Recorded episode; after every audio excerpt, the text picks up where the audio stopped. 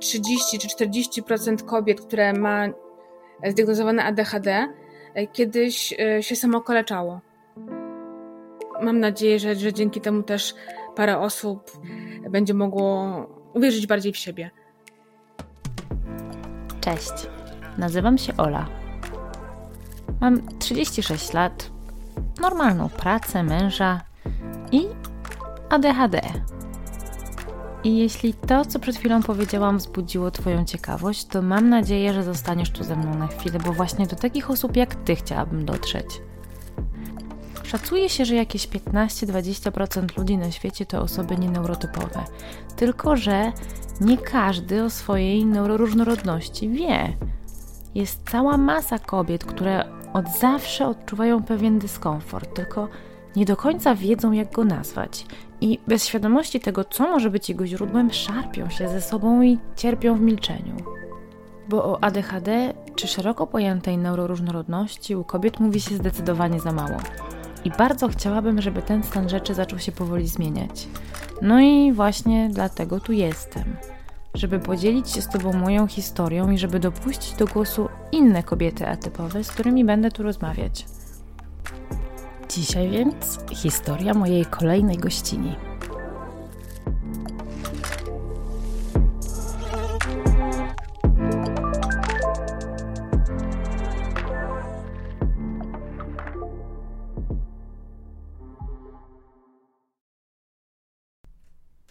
Dzisiaj rozmawiam z Martą Mróz. Marta swoją diagnozę ADHD dostała w wieku 35 lat i od tamtej pory, oprócz pracy na etacie i współprowadzenia pubu, działa także bardzo aktywnie na rzecz szeroko rozumianej pomocy kobietom i szerzenia świadomości na temat ADHD u kobiet i dziewczynek. Robi to zarówno w ramach instagramowego konta Kobiece ADHD czy inicjatywy Kobiety na swoim, zrzeszającej kobiety z Grudziądza i okolic, jak i swojego pisania. Ale jeśli liczycie na to, że dowiecie się z naszej rozmowy, jak Marta wpadła na to, że bohaterka jej powieści ma ADHD, to się rozczarujecie, bo nasze dygresje nigdy nie pozwoliły nam do tego wątku wrócić. Zapraszam Was więc do wysłuchania naszej rozmowy. Cześć Marta. Cześć. Witam Cię bardzo serdecznie. Jesteś moją drugą gościnią. Jak się z tym czujesz? bardzo fajnie. Tak myślę sobie, że musimy zrobić wszystko, żeby, żeby spiąć naszą rozmowę w mniej więcej godzinę. Nie wiem, czy to się uda z dwiema laskami za DHD, ale spróbujemy. Może być ciężko. A dlaczego musimy się spiąć? No bo oczywiście, jak każda szanująca się osoba za DHD, masz już plany na, na wieczór dzisiejszy. Tak, jak najbardziej. Czy twoje życie tak zawsze wygląda? Codziennie? Raczej tak. Akurat tak się składa, że e, pracuję na etacie, potem jeszcze pomagam mężowi e, w prowadzeniu pubu. Ostatnio zaczęłyśmy też z dziewczynami, e, ze znajomymi prowadzić takie, taką grupę kobiety na swoim. Myślę też, żeby propagować jeszcze ADHD kobiece, żeby też więcej kobiet się dowiedziało o tym. I należy do jednej z grup rekonstrukcyjnych. I mam tego koniopsa, więc cały tutaj zestaw jest naprawdę czasochłonny. Myślę, że porozmawiamy sobie o niektórych z tych rzeczy za chwilę. Są jeszcze takie, których nawet nie wymieniłaś, jak Twoje pisanie. Ale w sumie to chyba e, wypadałoby zacząć od początku, bo ja myślę, że to jest rzecz, która mnie osobiście zawsze najbardziej interesuje, ale też rzecz, której, która interesuje osób, które tego słuchają, bo, bo to one się z tym dosyć mocno identyfikują. Więc opowiedz mi o Twoim dochodzeniu do, do, do diagnozy. Jak to się w ogóle stało, że odkryłaś albo powiedziano Ci, że masz ADHD? Kiedy to było jak do tego doszło? E, jakiś czas temu e, postanowiłam sobie ściągnąć TikToka. Ściągnęłam go, ponieważ tutaj znajomy mnie namówił, żebyśmy wrzucali filmiki z pubu na TikToka, więc dobrze ściągnęłam TikToka, i tak sobie zaczęłam oglądać. No i pojawiały się tam filmiki typu jeżeli masz to, to, to, to i to, to pewnie masz ADHD. No i najpierw potraktowałam to śmiechem, no bo tutaj znalazłam, potem obejrzałam drugi filmik, trzeci filmik, czwarty, piąty, szósty, siódmy, no i okazało się, że tego jest naprawdę bardzo dużo. Zwłaszcza, że już wtedy zmagałam się e, z depresją, z, atakami lękowymi, czasami mniejszymi, czasami większymi, bo to wiadomo, że bywa różnie. E, ale zainteresowało mnie to na pewno, zwłaszcza, że u nas w Polsce e, nie ma za bardzo świadomości w ogóle ADHD, tym bardziej jeżeli chodzi o, o dziewczynki czy o, czy o kobiety. Mhm. No i wtedy stwierdziłam, no, że nie mogę iść do, do psychologa czy do, czy do psychiatry z TikTokiem, więc znalazłam e, w internecie możliwości zdiagnozowania ADHD. Zrobiłam sobie DIVE 2.0 no i okazało się, że według moich tutaj, e, według mojego sprawdzania jestem diwą. 2-0, jak najbardziej. A powiedz mi, jak w ogóle, e, jak trafiłaś na to, że należy taką diwę wykonać? Ktoś cię pokierował, czy, czy sama po prostu grzebałaś, grzebałaś, aż się dogrzebałaś? E, sama, sama, ponieważ też w mojej firmie zajmuję się tym, że na przykład szef rzuca mi jakieś hasło, i wtedy ja mam wiedzieć, co, co z tym hasłem zrobić. Na przykład mam, teraz chcę, żebyśmy zrobili procedurę e, uszlachetnienia biernego i wiem o tym tyle, co teraz ty wiesz, więc pewnie a spodziewam się, że raczej nie za wiele o tym Pierwszy raz słyszę to słowo? No właśnie, no ja też pierwszy raz słyszę słowa, ale muszę po prostu tutaj z tym działać. No i to, tak samo było z tym. Siadamy, szukamy, mam też koleżankę z biura, która interesuje się bardzo tego typu rzecz, rzeczami, więc obie tam siedziałyśmy, szukałyśmy i się udało. Ale też nie jest za, za łatwo znaleźć, szczerze mówiąc. Jest parę takich um, testów, które można wykonać za darmo, na zasadzie takiego, dla mnie przynajmniej, takiego, y, takiego quizu typu, jaką pizzą jesteś. To jest bardziej ten, ten rodzaj e, testu. A tak, no to wydawało mi się, że ta diwa jest o tyle po prostu rozległa e, i dokładna, no że coś można byłoby po prostu z tego wywnioskować. Hmm. A wiesz co, interesuje mnie teraz taka rzecz, bo znam kilka osób, które podejrzewają o siebie ADHD, ale nie są tak do końca pewne, jeszcze z tego z nikim nie konsultowały i zabrały się za wypełnianie na, na razie dla siebie mhm. e, diwy i myślą sobie...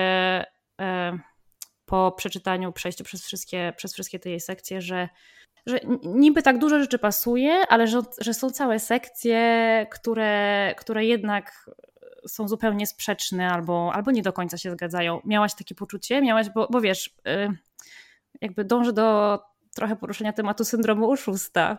Mm-hmm. wiesz, tak, jak to, wiesz, jak to z nami mm-hmm. jest, nie? Nawet, nawet kiedy dostajemy już diagnozę, to cały czas się zastanawiamy, o Jezu, a może ten doktor się pomylił, za szybko mi ją dał, może, może jednak wymyślam.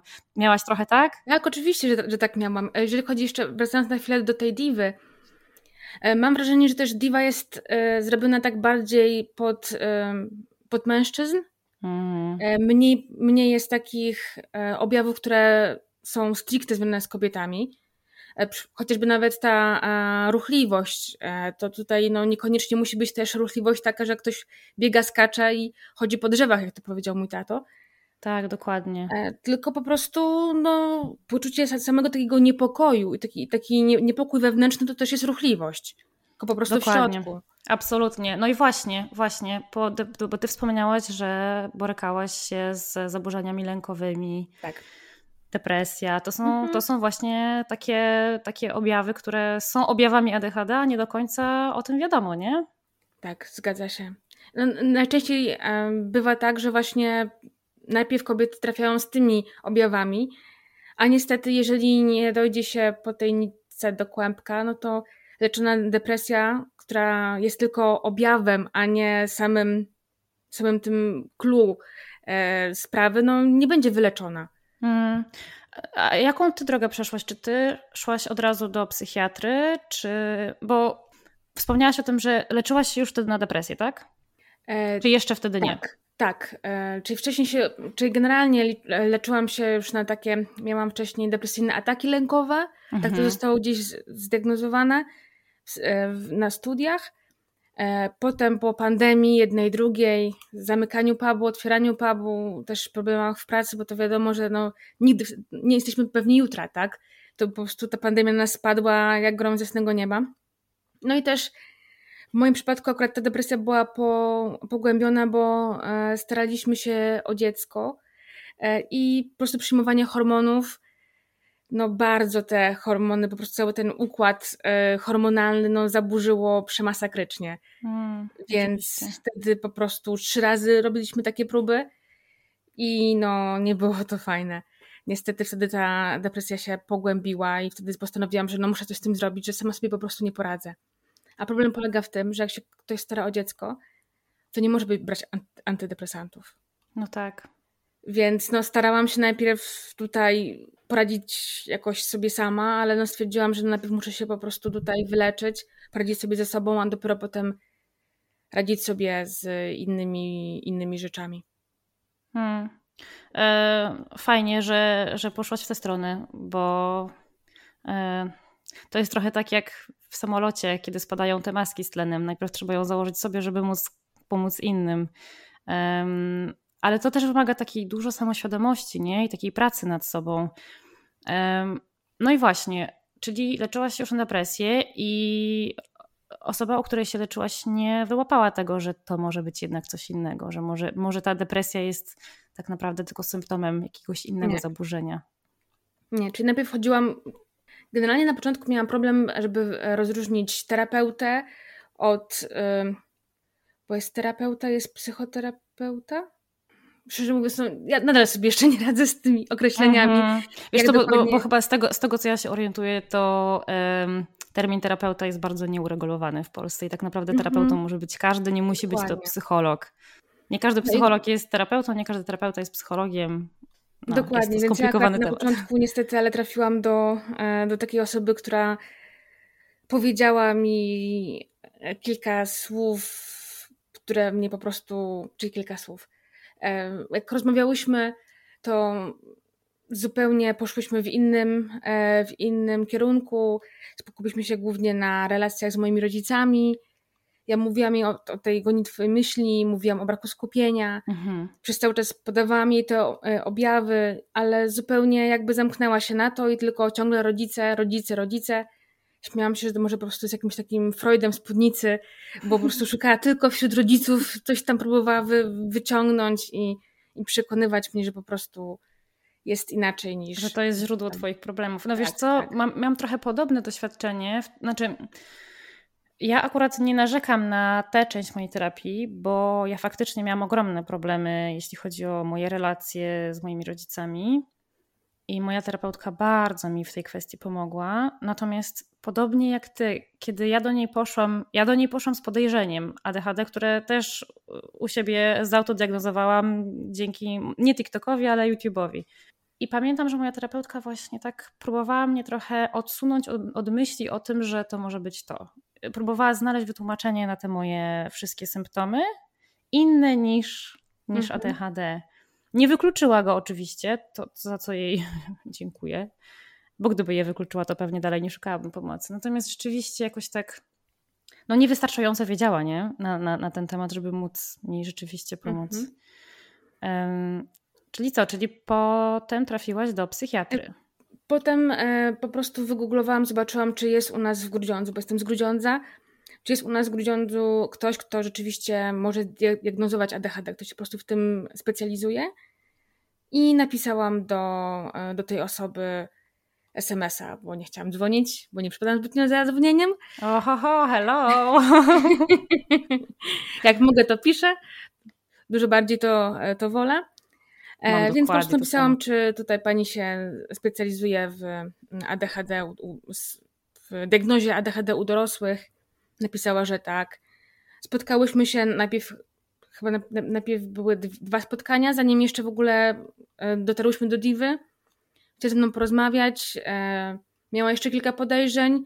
Potem mnie wysłała właśnie jeszcze do, do, do pani psychiatry, która też chciała po prostu, żeby gdzieś te inne możliwości po prostu wykluczyła. Mhm. Bo nie było, bo tutaj generalnie ta zależność między ADHD a depresją czy stanami lękowymi e, może być bardzo różna, więc chciałyśmy ustalić, czy, czy, co jest, co wynika z czego. Mhm. E, po to po prostu, żeby dobrać odpowiednią terapię i po to, żeby dobrać odpowiednie leki. No tak. No i od kiedy bierzesz leki? Od lutego. I jak ci z, z nimi? Powiem szczerze, że po prostu e, jest. To było coś niesamowitego. E, mhm. Nie wiem, czy miałaś okazję zobaczyć e, na YouTubie czy na TikToku są takie filmiki, jak e, osobom, które nie, nie widzą kolorów, zakłada się takie okulary, mhm. dzięki, którym widzą, dzięki którym widzą, tak? Daltonistom. To po prostu ja się poczułam tak samo. że nagle okazało się, że ten wir, który mam w głowie, ten, ja to nazywam szumem, po prostu informacyjnym, nagle ucichł. Wiesz co, aż mam ciarki, jak o tym mówisz, bo ja i, zresztą widziałam wiele osób y, uderzało w podobne tony. Ja po raz pierwszy usłyszałam ciszę, jak no. wzięłam pierwszą tabletkę. I to było ciekawe, bo ja biorę y, Medi o tym y, y, spowolnionym działaniu. Mhm. Więc ono nie wjechało tak natychmiast. Ja siedziałam, zaczęłam pracować i po prostu w pewnym momencie pomyślałam sobie, co, się, co tu się tak cicho zrobiło jakoś wokół mnie. No. Po chwili się zorientowałam, że cicho zrobiło się po prostu w mojej głowie. Natomiast kiedy tabletki zaczynały ze mnie schodzić tego dnia, to był taki efekt odwrotny i to było w ogóle ciekawe, bo ja siedziałam wtedy na lotnisku i było wokół mnie ciągle tyle samo ludzi, wiesz, jak to na lotnisku, nie? Mhm. Czekamy sobie spokojnie na lot i tak nagle miałam wrażenie, że jak na filmach zaczęło się robić wokół mnie coraz głośniej, głośniej, głośniej. Tak jakby mi się coś, jakaś taka świadomość zaczęła poszerzać. Mhm. Przedziwne uczucie. E, to właśnie ja miałam taką sytuację e, no, w biurze, bo ja po prostu sobie pracowałam i nagle jakby ktoś mi założył właśnie takie okulary dźwiękowe, mhm. myślowe może po prostu. Normalnie no, byłam w szoku i tak sobie pomyślałam, kurczę, jak normalni ludzie tak mają przez cały czas. Tak. To jest po prostu coś niesamowitego, że naprawdę można wyłączyć myślenie. Tak. No i właśnie. Czyli doszłaś do tej myśli, normalni ludzie mają tak cały czas. No a ja muszę, musiałam przejść przez ten cały proces, przeżyć 35 lat, pójść do paru specjalistów mhm. i do, mhm. żeby dojść do tego, żeby wreszcie być w tym miejscu, że mogę się poczuć jak inni ludzie, jak większość. Czy towarzyszył temu jakiś żal, złość? Szczerze mówiąc, nie. E, ja po prostu poczułam taką ulgę, mm bo w momencie, kiedy leki zaczęły działać, to znaczyło, że rzeczywiście mam ADHD. No tak. I e, rzeczywiście to nie jest kwestia tego, że jestem niewystarczająco dobra, że nie potrafię w liczby, e, że nie potrafię w porządek, czy tam cokolwiek innego byśmy tutaj mm, mogły podłożyć. Okazuje się, że rzeczywiście to nie jest kwestia, że jestem leniwa, tylko po prostu rzeczywiście nie, nie mogę, że mam ograniczenia gdzieś, które są jakby może nie tyle narzucone, co po prostu spowodowane pewnymi e, no, zaburzeniami, więc zaczęłam na siebie patrzeć po prostu bardziej e, łagodnie i hmm. zaczęłam po prostu mieć zupełnie inne nastawienie do siebie. I no, przestałam myśleć, że jestem po prostu głupia, no bo też często tak gdzieś tam miałam takie myśli w głowie, zresztą mój krytyk we, wewnętrzny naprawdę robi cudowną robotę codziennie, od rana do, e, do wieczora. To nie jest kwestia, że się pojawia, tylko po prostu nie znika. Oczywiście, oczywiście. Ale czy to był. No myślałam się, że to był proces mimo wszystko, że nie doszłaś do tego tak z dnia na dzień po wzięciu pierwszej tabletki. Mm, na początku generalnie ja biorę dwa rodzaje tabletek. Biorę antydepresanty dla osób z ADHD, mhm. które po prostu mają tam jakieś dodatkowe cuda na kiju. No i biorę tak, tak zwaną magiczną tabletkę, czyli właśnie Medi. E, biorę je tylko mm, od czasu do czasu, żeby sobie dawkować tą przyjemność. E, okazało się, że mm, pierwsza właśnie zadziałała na mnie tak, jak mówiłam i ty czy też mówiłaś. E, przy drugiej, przy drugiej dawce, którą dopiero sobie dałam w, następnym tygodniu, no już nie było tak fajnie. Generalnie okay. zauważyłam, że już organizm no, aż, tak, aż tak dobrze nie, nie zareagował. E, poza tym też w międzyczasie, no bo to nie, oczywiście po jakimś czasie e, zmieniłam też, e, zwiększyłam dawkę antydepresantu. To Medi wtedy już w ogóle nie działał. No i teraz e, no, dostałam podwójną tą dawkę Medi, 20 gramów. No i znowu właśnie poczułam to, to że rzeczywiście mi się dużo, dużo łatwiej skupić. Już nie było takiej euforii, tylko właśnie jest, że w końcu mogę działać. W końcu mogę działać tak, jakbym chciała działać. I, i, i to, bo przecież mamy tyle rzeczy do zrobienia, że przydałoby się skupić. No przydałoby się. Byłoby łatwiej i mhm. jest łatwiej, kiedy się skupiamy. A powiedz mi, tak trochę będę krążyć, będziemy latać tutaj z powrotem, bo ciekawie mnie, zanim dostałaś diagnozę i, i, i potwierdziłaś to, co się z tobą dzieje, zanim zaczęłaś brać leki, to z czym było ci najtrudniej sobie radzić? E, ja generalnie od 10 lat e, dość mocno krążę wokół rozwoju osobistego. Staram się gdzieś tam się doskonalić, więc naprawdę zrobiłam bardzo długą e, drogę. Tak jak mówisz wcześniej o tej świadomości, rzeczywiście ta świadomość jest, bo obserwuję siebie przez cały czas, swoje emocje, wiem, co mnie e, gdzieś tam triggeruje, kto mnie triggeruje, w jakiej sytuacji może się właśnie pojawić gdzieś tam jakiś problem. E, naj, największym, myślę, mm, takim problemem był, było uczucie przytłoczenia i problem z koncentracją.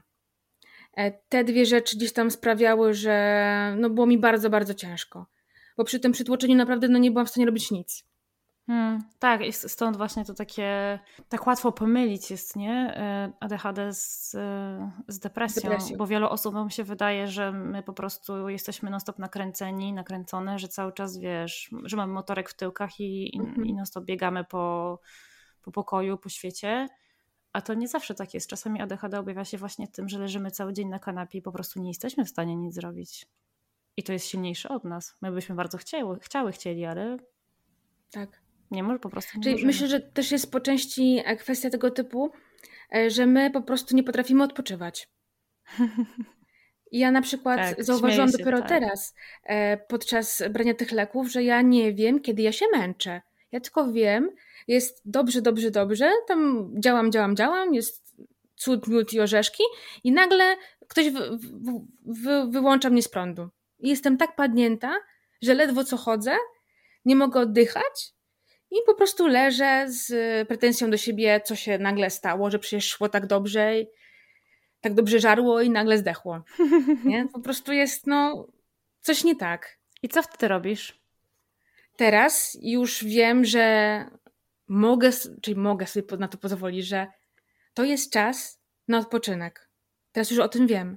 Wcześniej po prostu każda, każda sytuacja, która była nie po mojej myśli, po myśli tej perfekcjonistki, która gdzieś tam w środku we mnie jest, no kończyła się, kończyła się tym, że po prostu miałam bardzo duże poczucie winy, taki bardzo duży zawód i takie pretensje do siebie.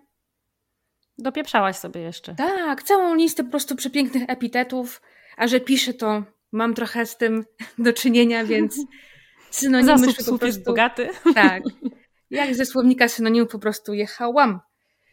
No, niestety. A teraz naprawdę już widzę, widzę też, nawet dzisiaj też rozmawiałam o tym z koleżanką, że ona też widzi zmiany, że to moje nastawienie jest zupełnie inne.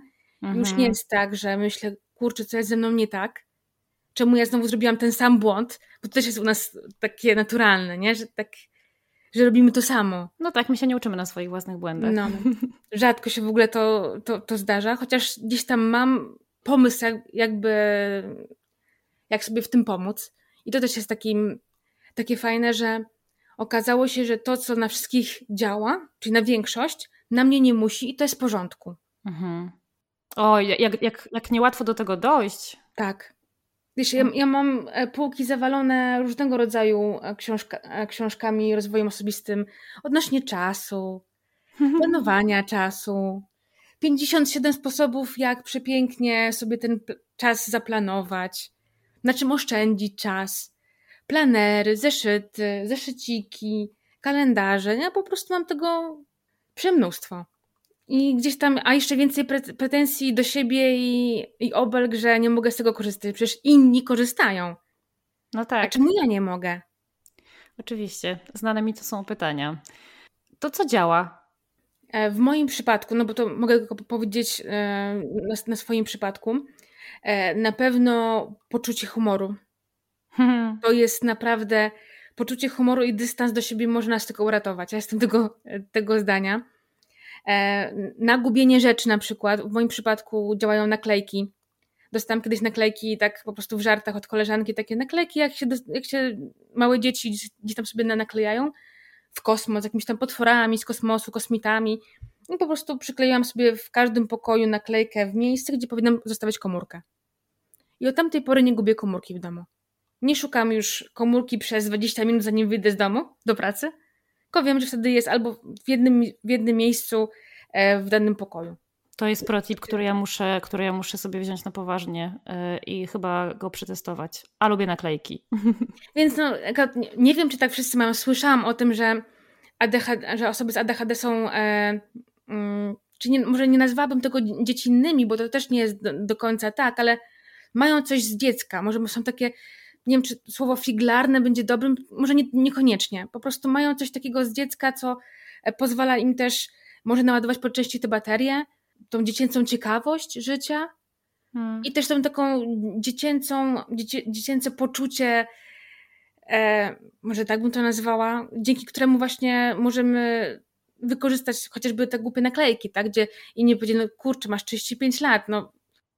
Wiesz co, chyba coś w tym jest, z, tą, z tym takim yy, wewnętrznym dzieckiem i jego silną pozycją u nas tak myślę sobie teraz o osobach, które albo wiedzą o swoim ADHD, które znam, albo um, które podejrzewam, że mogą mieć. Mhm. I rzeczywiście, rzeczywiście mają sobie taki, taki pierwiastek dziecięcy. Coś w tym jest. To ciekawe. Nigdy o tym wcześniej nie myślałam w tym kontekście. Hmm. A powiedz mi taką rzecz. Hmm. Czy masz wsparcie w bliskich twoich? Czy oni, no domyślam się, że wiedzą o twojej diagnozie i bo mówisz o tym głośno. Czy, czy czujesz w nich wsparcie? Czy musieli, czy musieli, czy chcieli coś zmieniać? Jak powiedziałam, zadzwoniłam do mamy, jak byłam w pracy. Tylko ją poinformowałam, że generalnie ostatnio gdzieś tam, bo nie mieszkamy w tym samym mieście, ja się wyprowadziłam od rodziców, jak miałam 22 lata i tak sobie gdzieś tam się tułałam po, po Polsce. Teraz już od 10 lat jestem w jednym miejscu. Aż dziwne, ale jakoś się udało. E, I powiedziałam mamie po prostu tak jakby, tak od niechcenia, no, że wiesz, dostałam taką diagnozę, bo teraz jeszcze brałam tabletki. Potwierdziła się, mam to ADHD, jak chcesz to sobie tam poczytaj, mogę coś ci wysłać ciekawego, bo ciężko gdzieś tam e, czy cokolwiek znaleźć w internecie po polsku. No i cisza. No dobrze, no to się rozłączyłam, mówię, muszę iść, bo, bo mam pracę, tak, coś tam, coś tam. I potem zadzwonił do mnie tato, e, że mama mu powiedziała, i że przecież ja nie chodziłam po drzewach. Oczywiście, standardowy tekst. No. E, ale gdzieś tam, jak zaczęłam im potem opowiadać, wysłałam im też ten e, mm, zapis z konferencji, z, ze spotkania z SWPS-u, bo tam była pani psychiatra, chyba czy psycholog, która zajmuje się głównie ADHD u dziewczynek i u, u, kobiet. I właśnie ona tam bardzo się przez godzinę praktycznie opowiadała o tym, jak, jak to wygląda u kobiet, czym to się najczęściej objawia, że to jest inaczej niż zazwyczaj. E, I jak o tym zaczęłam opowiadać, to rzeczywiście zaczęło to do nich dochodzić, że to nie jest teraz kwestia tego, że oni są złymi rodzicami. Tak. Bo oni to usłyszeli, tak? Ja sobie dopiero potem zdałam z tego sprawę. Oni usłyszeli po prostu, że są złymi rodzicami. Dokładnie. Jak oni to mogli przegapić, nie? Do, do, no, zgadza się. Mm. Co, co, się stało w ogóle, jak to możliwe. E, a jeżeli chodzi o mojego męża, e, to mm, my jesteśmy od, od 4 lat ze sobą e, i dzięki mojemu mężowi w ogóle rozwinęłam skrzydła. E, on jest taką osobą, która po prostu, której nie przeszkadza moja dziwność, e, moje poczucie inności, bo sam też jest inny, e, ale naprawdę no, mogłam być zupełnie cokolwiek bym nie zrobiła, e, on po prostu, on mnie akceptuje całkowicie. Hmm, to jest takie ważne, kurczę. Tak, wiesz co, no... tak się uśmiecham, bo ja, jak o tym mówisz, jak mówisz o swoim mężu, to, to mogę ci przybić piątkę, bo mam dokładnie to samo wsparcie w, w moim. I co najważniejsze, no dla mnie najważniejsze e, w tym związku jest to, że on się na mnie nie, e, nie złości i ja go nie irytuję. I kolejne szukanie komórki czy kolejna sytuacja, kiedy zgubiłam klucze, czy sytuacja, bo on się zawsze ze mnie śmieje, że ja zaczynam po prostu tak, jak ja to mówię, znakła, że nagle coś tam mówię. No i tak, tak czas, czasami bywa, że albo musi powtórzyć coś dwa razy, albo ja twierdzę, że coś powiedziałam, a chyba nie powiedziałam, może chciałam powiedzieć, a jednak nie powiedziałam. I on to po prostu wszystko przyjmuje śmiechem. Zresztą no, my mieliśmy wiele takich podobnych przygód, e, które, e, gdzie jeżeli w sytuacji e, podczas e, podróży poślubnej mieliśmy lecieć e, do Bukaresztu, a mój mąż kupił bilety do Budapesztu. Czy twój mąż też ma ADHD? Czy generalnie, szczerze mówiąc, to też, też u niego trochę to podejrzewam, też, że też tak może być. I generalnie skapnęliśmy się, że tak się stało, o 6 rano w Warszawie, na lotnisku. O Jezu. I generalnie może inni by się od razu zdenerwowali, wkurzyli, czy coś takiego. No po prostu zaczęliśmy się śmiać. Przecież nic się nie stało. Jezu, to jest tak ważne, żeby właśnie mieć taką osobę, która potrafi te takie nasze niedogodności. potrafi, potrafi mieć do nich dystans, nie? I, I po pierwsze nie brać ich też osobiście, bo du, tak. tutaj jest duże pole do opisu, jeśli chodzi o konflikty, nie? Ja czasami pytam mojego męża, jak ty w ogóle ze mną jeszcze wytrzymujesz? Dlaczego jeszcze nie zwariowałeś? On mówi, no po prostu już przestałem w ogóle zwracać na to uwagę, nie? I wiem, że to, że tak już masz. I, i zaakceptowałem to. I nie chodzę, nie sprzątam po tobie cały czas i nie, nie męczę ci tyłka, żebyś ty posprzątała po sobie, bo wiem, że tego nie zrobisz. Zrobisz wtedy, kiedy przyjdzie na to czas. Mhm. To jest ważne, ale i dlatego tak ważne jest właśnie to, żeby nasi partnerzy czytali o tym, co się z nami dzieje i jak my się czujemy i jak można nam pomóc, nie?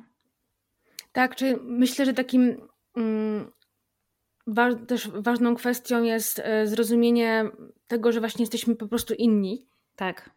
E, to, co było też poruszone podczas e, Twojego drugiego odcinka odnośnie tego mm, leżenia i nic nie robienia. Mhm.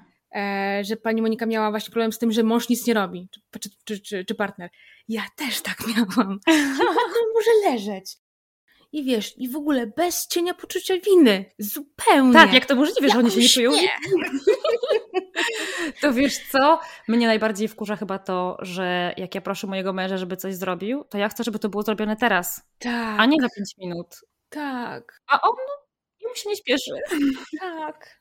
Już abstrahując od tego, że oczywiście wszystko oni robią w ogóle w zwolnionym tempie, nie? To już w ogóle slow motion, nie? Zanim on się ruszy, tak. zanim podejdzie. O Jezusie, po prostu robię to pięć razy, nie? Ale już teraz po prostu staram się gdzieś tam gryźć w język, nie? I zajmuję się czymś innym. Jak powiedział, że zrobi, to zrobi. Chociaż czasami liczy na to, że ja nie wytrzymam i, sam, i sama zrobię, nie? Bo też tak bywa. Myślę, że u mnie też jest podobnie. To prawda. Ale wiesz co, nie, naj, najważniejsze jest to, że, że mamy w nich wsparcie, że rozumieją i to jest, tak. e, tego się trzeba trzymać. Ja też mam bardzo duży, mam, mam bardzo duże e, wsparcie w pracy. Właśnie dzięki mojej koleżance e, Angelice, dzięki której gdzieś tam doszłyśmy do tego, że mam to ADHD. No, moja praca przestała być koszmarem, e, a okazała się naprawdę bardzo fajnym miejscem, gdzie po prostu możemy się idealnie uzupełniać. Czyli ja też wcześniej miałam okazję sprawdzać różne, mm, różne systemy e, związane z pracą odnośnie tego, kto, tam, kto jest kim i jak to może wpływać na to, co robimy. Mhm. Tam, chociażby tam odnośnie tego tam analityka, nie analityka i tak dalej. Już tam sprawdzając do takich naj, najbardziej bazowych rzeczy. I też już wtedy wiedziałyśmy, że ona jest od liczb, a ja jestem od pisania, od negocjowania, e, od latania e, do mm, do innych krajów, czy tam do, e, i rozmawiania z naszymi kontrahentami. Więc się fajnie podzieliłyśmy i dzięki temu dobrze nam się pracuje i nie ma po prostu jakichś problemów. Też mamy w sumie taki pokojowy bardzo charakter obie. Żadne, żadna z nas nie ma potrzeby, żeby nie wiem, być pierwszą chociażby, czy tam pokazać że szefowi, że nie, nie, nie, to ja zrobiłam. Hmm, teamwork, to jest takie no. ważne, kurczę, a właśnie z, zwłaszcza, zwłaszcza przy neuroróżnorodności. Um, powiem Ci, że ja, ja mam to szczęście, że mam naprawdę bardzo wspaniałą i kochaną drużynę i moja bezpośrednia przyłożona i osoba nad nią są super wspierające. I zastanawiałam się przed chwilą, czy powiedzieć im o mojej diagnozie, ale bardzo szybko zorientowałam się, że, że nic nie stracę, że mogę tylko zyskać. Szkoda, że jeszcze tak mało jest takich treningów dla firm, że to nie jest takie powszechne, że w mhm. firmach się uczy o neuroróżnorodności, o tym, że ludzie są różni, mają różne mózgi i różnie pracują i że trzeba każdemu dać możliwość tego, żeby się rozwijał w miarę własnych możliwości, nie? E, ale fajnie, że fajnie, że ty, ty masz taką możliwość, że znalazłaś taką swoją Angelikę. tak, to prawda. A dobra, no to bo, bo twoja praca to jest tylko część twojego życia. tak. Nie wiem jak ważna. Ważna? Lubisz swoją pracę? E, tak, lubię swoją pracę. Najbardziej lubię wyjeżdżać, bo kiedy, jeszcze przed pandemią miałam okazję być sześć razy w Chinach i to było bardzo duże wyzwanie dla mnie. Mm, zwłaszcza, że, że jechałam wtedy z szefostwem albo z kierownictwem, więc musiałam po prostu pokazać się od najlepszej strony. Oni tam wcześniej nie byli, więc nawet nie wiedzieli, gdzie, gdzie będą. A ponieważ ja zawsze chciałam być pilotem wycieczek, mieć tak, takie swoje owieczki i tym owieczkom pokazywać i pomagać, no to miałam bardzo duże pole do popisu e, i wtedy mogłam po prostu pokazać się z jak najlepszej strony. I im pomóc, bo tam gdzieś, gdzieś ta kwestia pomocy u mnie jest e, bardzo motywująca. No właśnie do tego chcę przejść, bo właśnie, no bo praca pracą, nie, to jest nasze życie od tam 9 do 17, czy w jakim wymiarze godzin pracujesz, no ale po pracy to robisz całe mnóstwo różnych innych rzeczy, które są dużo bardziej związane z działalnością na rzecz szerzenia świadomości o ADHD u kobiet, yy, jakąś taką ekspresją tego, co w tobie siedzi, i w ogóle pomagania innym właśnie, nie? I tak się zastanawiam teraz od czego zacząć. Czy od kobiet na swoim, czy od kobiecego ADHD? Od czego ty chcesz zacząć? Co było e, pierwsze? E, to może ja zacznę od tego, że na samym początku była sztuka kochania siebie w 15 aktach. E, album literacki, w którym właśnie pokazywałam, że każdy z nas ma bardzo różne emocje. Można je nazwać, można z nich zrobić pejzaż, można z nich zrobić wełniany sweter, który jest tak ciężki od, naszych, od naszego poczucia winy, że po prostu chcemy go tylko zdjąć, bo zamiast nas przemiło otaczać, to po prostu nas gryzie aż do krwi. Czyli na początku było pisanie. Tak, na początku było słowo. Od jak dawna piszesz? Mm, od 2015 roku. Czyli już chwilę. Tak. Dokładnie tyle. Już chwilę. I jeszcze rymujesz w dodatku. Czasami mi się zdarzy. Um, no dobra. Um, wydałaś swój pierwszy, no właśnie. Tomik poezji pisanej prozą. No właśnie, ale to w zasadzie trochę grubszy projekt, bo połączony z tą taką sferą wizualną też, nie? Tak, tam było 15 aktów e, fotografika grudziąckiego e, Mariusza Naśniewskiego. E, I żeby było jeszcze śmieszniej, to chyba 6 albo 8 zdjęć było moich. Okej. Okay. Do czego się nie przyznawałam na początku w ogóle, bo się wstydziłam. Oczywiście. E, a teraz po prostu jestem z tego dumna, zwłaszcza, że minęło trochę czasu i 15 kilo, więc, więc jest mi z tym całkiem dobrze, że mam gdzieś takie swoje artystyczne, bo to są e, czarno-białe artystyczne akty, gdzie na przykład, nie wiem, e, widać kawałek obojczyka, albo szyję, albo splecione dłonie. Jest to bardzo taki, mm, te zdjęcia są takie bardzo artystyczne ja po prostu tym zdjęciom nadawałam e, pewnego rodzaju filtr poprzez moje teksty. Taki był, taki był zamysł. Na przykład była, nie wiem, tam mm, te 15 aktów i każdy z aktów był nazwany, na przykład, nie wiem, było zakochanie, e, był smutek czy strach. I wtedy po prostu było zdjęcie, potem dwa teksty. No i jak, jak dzisiaj patrzysz teraz na, na te swoje teksty z tym nowym filtrem, bo wiesz już o swojej neuroróżnorodności, o której nie wiedziałaś jeszcze wtedy pisząc, mhm. pisząc je. To co tam widzisz? Widzisz, widzisz tę neuroróżnorodność, która gdzieś tam z nich wyziera, czy, czy ona by się jeszcze e, przyczajała? Tak. Tak, na pewno, bo, bo te słowa, e, które, te teksty, które napisałam, one są bardzo ciężkie. E, mam na myśli, że po prostu ja tam tak nakombinowałam, tam tak najeżyłam tymi neologizmami swoimi, i tym martowaniem różnym, w, w, różnym, w różnych po prostu aspektach, że no, trzeba się naprawdę skupić, żeby to przeczytać. Więc jednak gdzieś tam. E... Czyli to nie było takie e, ADHD friendly. No nie. Z jednej strony nie, ale coś się działo. Więc z drugiej strony tak. I jeszcze, e, jeszcze ta strona wizualna, więc już w ogóle. Dokładnie, więc ja, ja się śmiałam zawsze, że e, dla, dla mężczyzn są zdjęcia, a dla kobiet są teksty. No, nie jest to nie są to teksty takie typowo lekkie, e, ale myślę, że są na tyle obrazowe, że po prostu łatwiej się je czyta niż gdyby były to wiersze na przykład białe albo e, z, odniesieniami do mitów, nie mitów, sytuacji polityczno-literacko Bóg wie jakich. Hmm. Gdzie też często poeci mają takie e, zapędy właśnie, żeby wkładać jeszcze oprócz emocji jakieś elementy takie dodatkowe, które miałyby jeszcze trochę pozmieniać, to ja wolę pozmieniać w konstrukcji zdania albo w konstrukcji całego, całego tekstu, żeby go tam zmotywować, żeby pokazać, że ten tekst y, nie tylko można czytać, ale też można go zobaczyć w innym wymiarze po prostu. Mhm. No a po, po tym tomiku przyszła róża. Tak, przyszła róża i okazało się, że róża, to doszło do mnie kilka tygodni temu, że róża ma ADHD. I chyba jest to pierwsza taka, czy, nie wiem, czy to jest, czy, czy jest to pierwsza osoba, e, pierwszy bohater literacki, który ma ADHD, na pewno nie, ale no jest to taka, mm, jest to taki pierwszy, oczywiście poradnik to nie jest dobre słowo, bo to nie jestem tutaj nikim takim, żeby mogła od razu robić poradniki, ale jest to taki, taka pierwsza książka dla kobiet z ADHD. Okej, okay. a no to o czym ona jest? E, Róża ma 30 lat i nie może sobie poradzić e, w obecnym świecie. E, nie może sobie znaleźć miejsca swojego, zawsze wybiera partnerów, którzy są dla niej nieodpowiedni. Ostatni związek skończył się tym, że dostała w twarz. E, czuje się nie na miejscu, czuje, że w ogóle nie należy do tej epoki. Często ma coś takiego jak złe dni, kiedy czuje się, że jest szklana, że jest przezroczysta, że każde nam spojrzenie ludzi ją boli najchętniej wtedy by tylko siedziała w domu, zakryta kocem i po prostu, żeby to przeżyć. Na, na ile Róża jest e, trochę historią autobiograficzną? E, jest bardzo historią autobiograficzną. E, Róża jest bardzo podobna do mnie sprzed wielu lat. Róża się wszystkiego boi. Wszystkiego, wszystkich tak naprawdę.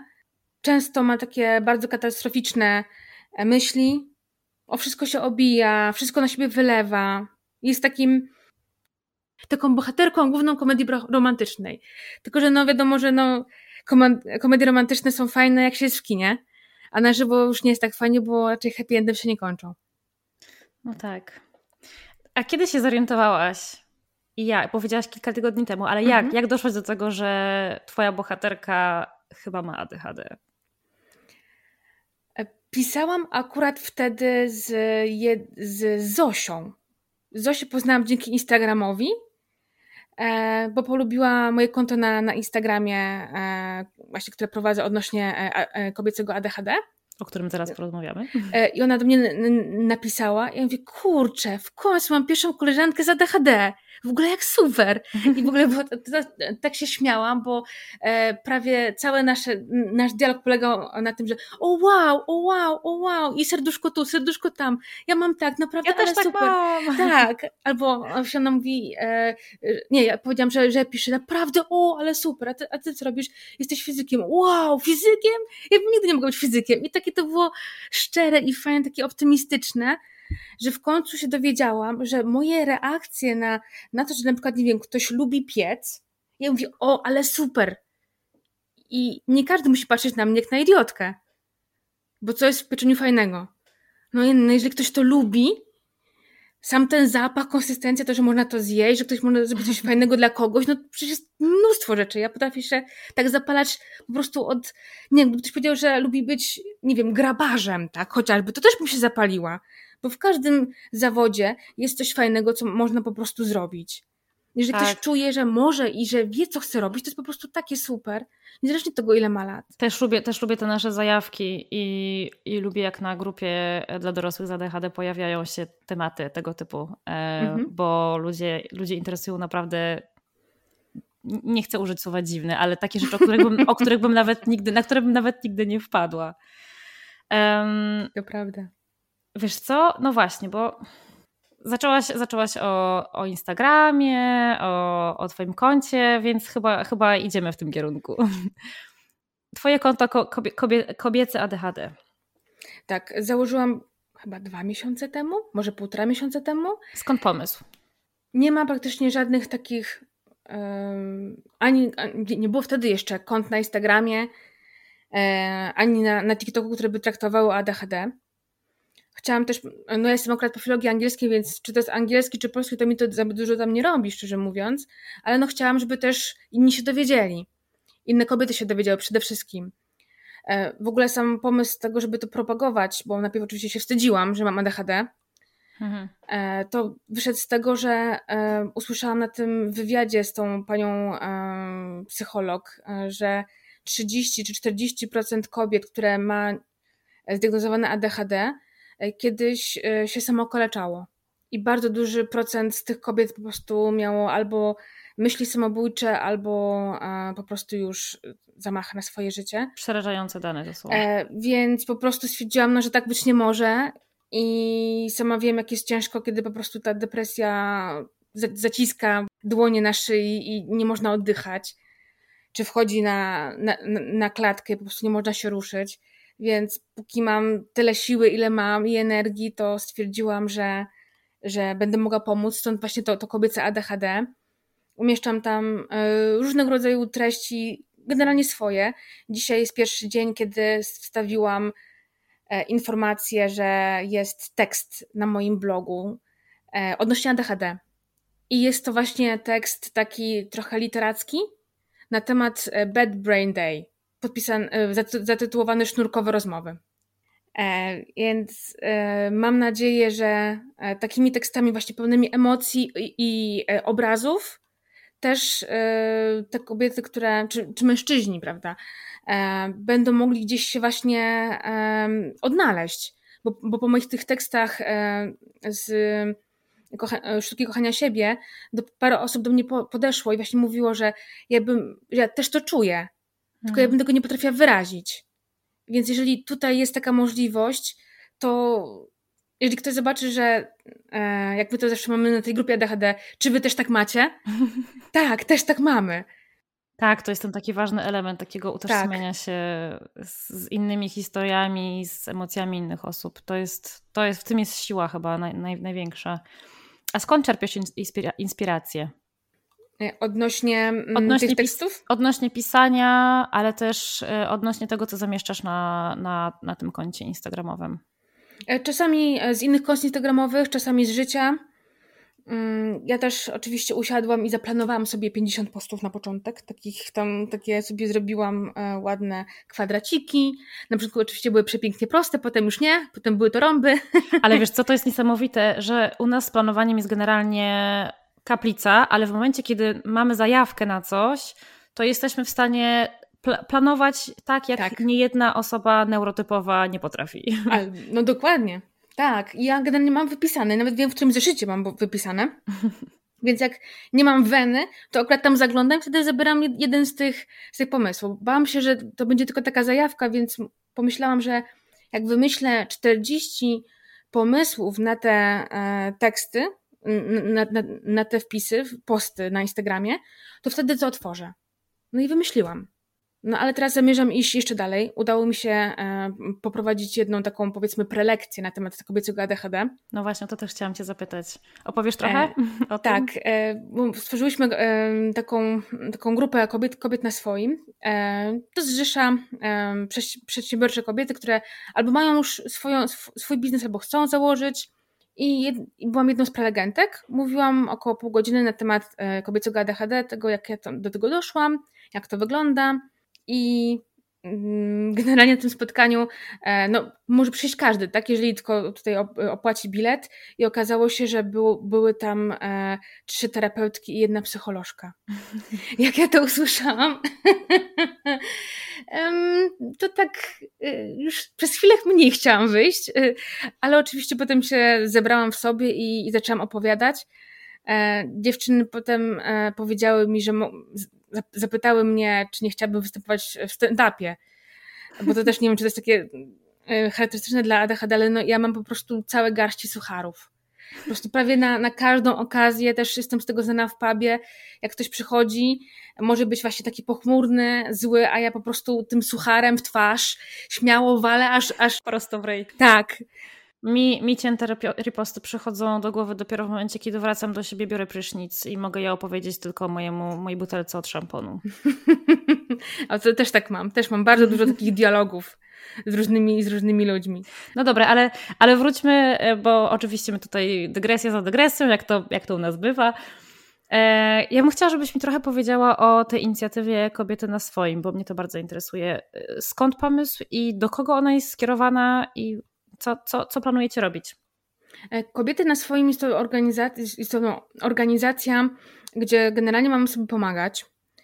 Możemy tutaj wspólnie robić mm, różnego rodzaju przedsięwzięcia, szkolenia, spotkania, wyjazdy, wsparcie E, bo jesteśmy naprawdę z bardzo różnych e, dziedzin e, tutaj przemysłowych, nie tylko.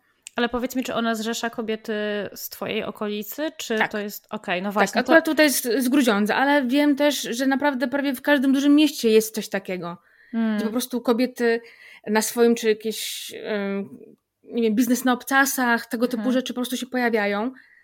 I po prostu chcemy, spotykamy się raz w miesiącu tam wtedy mamy jakieś szkolenie albo jakieś spotkania, plus jakiś tam warsztat i wymiana kontaktów, networking, e, rozmowy, porady. Gdzieś tam po prostu się wspieramy. Nie wiem, jedna potrzebuje e, kogoś, kto zrobi stronę internetową, inna e, copywritera, jeszcze inna czegoś innego. Po prostu rozmawiamy o tym e, i też mamy wspólne przedsięwzięcia. Oprócz tego raz, raz w miesiącu tego spotkania, teraz będziemy mieć 16 września e, taki myślę, że bardzo pocieszne, pocieszne wydarzenie pod tytułem To jest moja broszka. E, I e, jest to spotkanie na temat e, mm, orgazmu, przedłużania orgazmu, takich spraw typowo okołobroszkowych, że tak się wyrażę. Więc będzie fizjoterapeutka uroginekologiczna, będzie ginekolożka.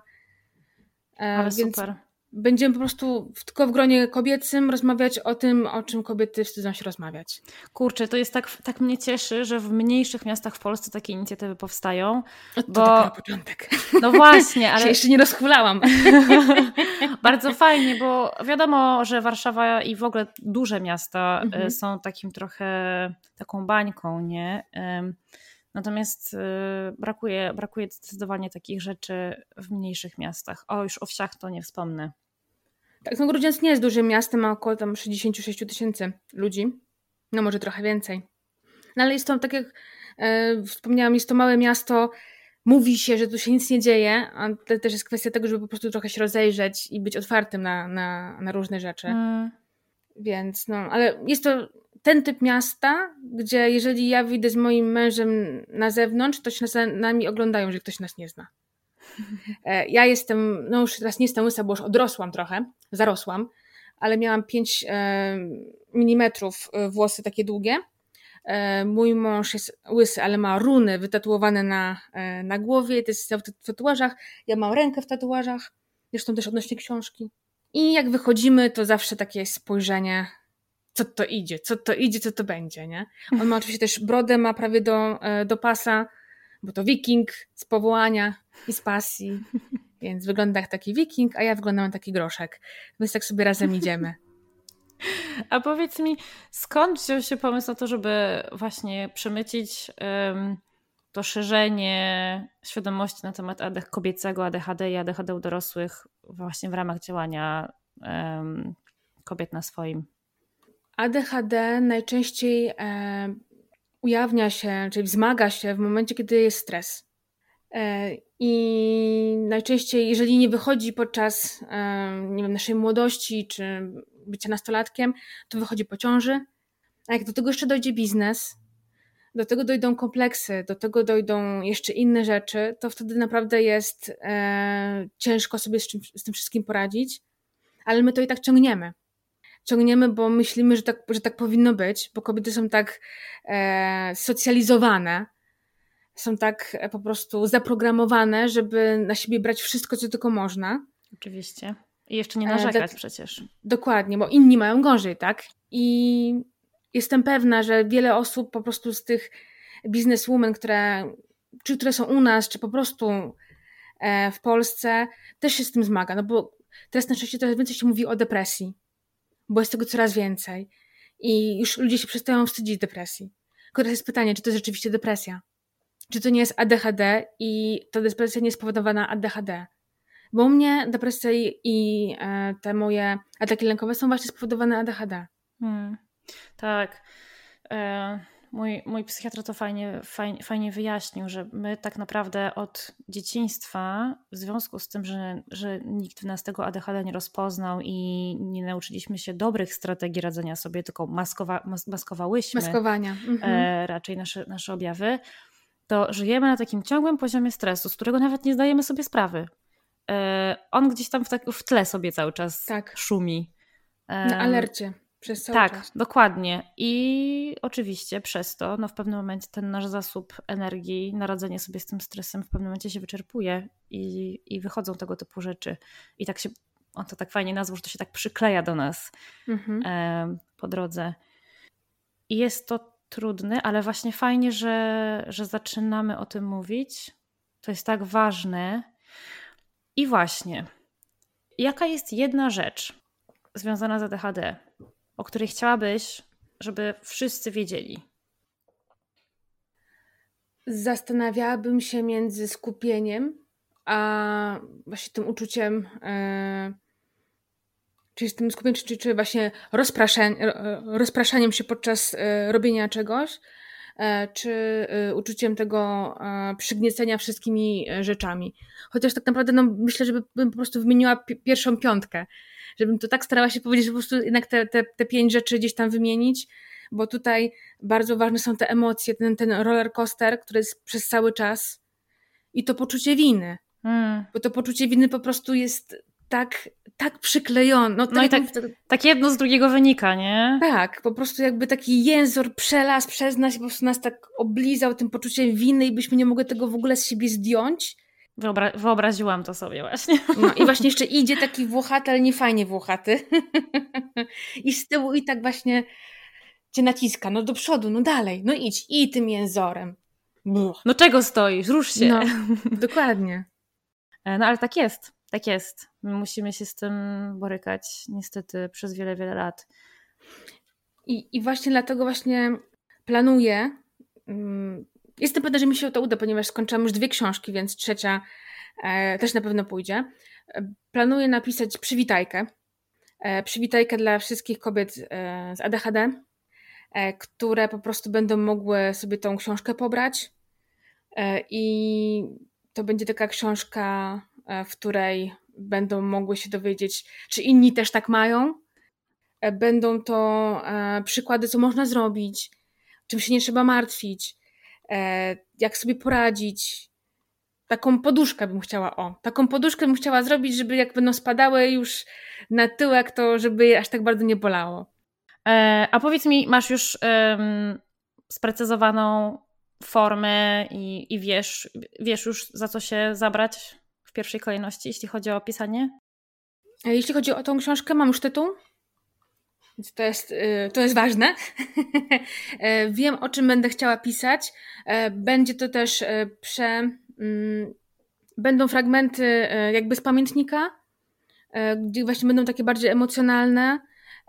Będą takie z, z, karteczki, e, jakby samoprzylepne, żeby zaznaczyć, co jest e, bardziej ważne. Będą pod, pod, podkreślone rzeczy dla osób, które po prostu mają problemy ze, ze skupieniem, żeby tylko spojrzały na to, co jest najważniejsze, na przykład na tej stronie. Będę się starała po prostu zrobić z tym, e, żeby były jak najbardziej ADHD friendly. Zobaczymy, czy mi się uda. Mam też kontakt, jeszcze nie Mhm. rozmawiałam z tą e, panią psycholog, ale znam panią, wiem, że jest pani psycholog, która ma też ADHD. Mm, Właśnie o tę o tę współpracę z, z psychologiem, psycholożką chciałam Cię zapytać, bo to jest myślę w takich projektach ważne, nie? bo tak naprawdę nam się może wydawać, że mo- możemy mieć dobre intencje i em, możemy, wiesz, wychodzić z dobrego miejsca, ale rzeczywiście czasem warto takie rzeczy em, zweryfikować ze specjalistą. E, Słuchaj, widzę, że zegar tyka, a twój, e, twój event się zbliża, Jasne. więc nie będę Ci dłużej zatrzymywać. Bardzo się cieszę, że cieszę się, że, że mogłyśmy się poznać. Ja też się E, bardzo cieszę. Bardzo byłam podekscytowana. Jak właśnie zobaczyłam, że to napisać, mówię, tak, tak, to jest znak, że muszę to robić. I dalej od razu do siebie napisałam, jak zobaczyłam tego posta. Myślę, że robisz fajne rzeczy i mam nadzieję, że zobaczy je jak najwięcej osób, bo, bo to też o to chodzi chyba, nie? W tym, co robimy. Tak, no tutaj jak, jak najbardziej, bo mam nadzieję, że, że dzięki temu też parę osób, e, parę, no, parę osób, czy po prostu parę kobiet będzie mogło uwierzyć bardziej w siebie, bo po prostu sama diagnoza też bardzo dużo daje. Ja dużo, Dokładnie. dużo bardziej teraz wierzę w siebie i, i wiem, że parę rzeczy nie da, nie da mi się przeskoczyć, ale to nie dlatego, że nie chcę, nie potrafię, nie umiem, tak, bo mi się nie chce, czy po prostu, no, tak już jest.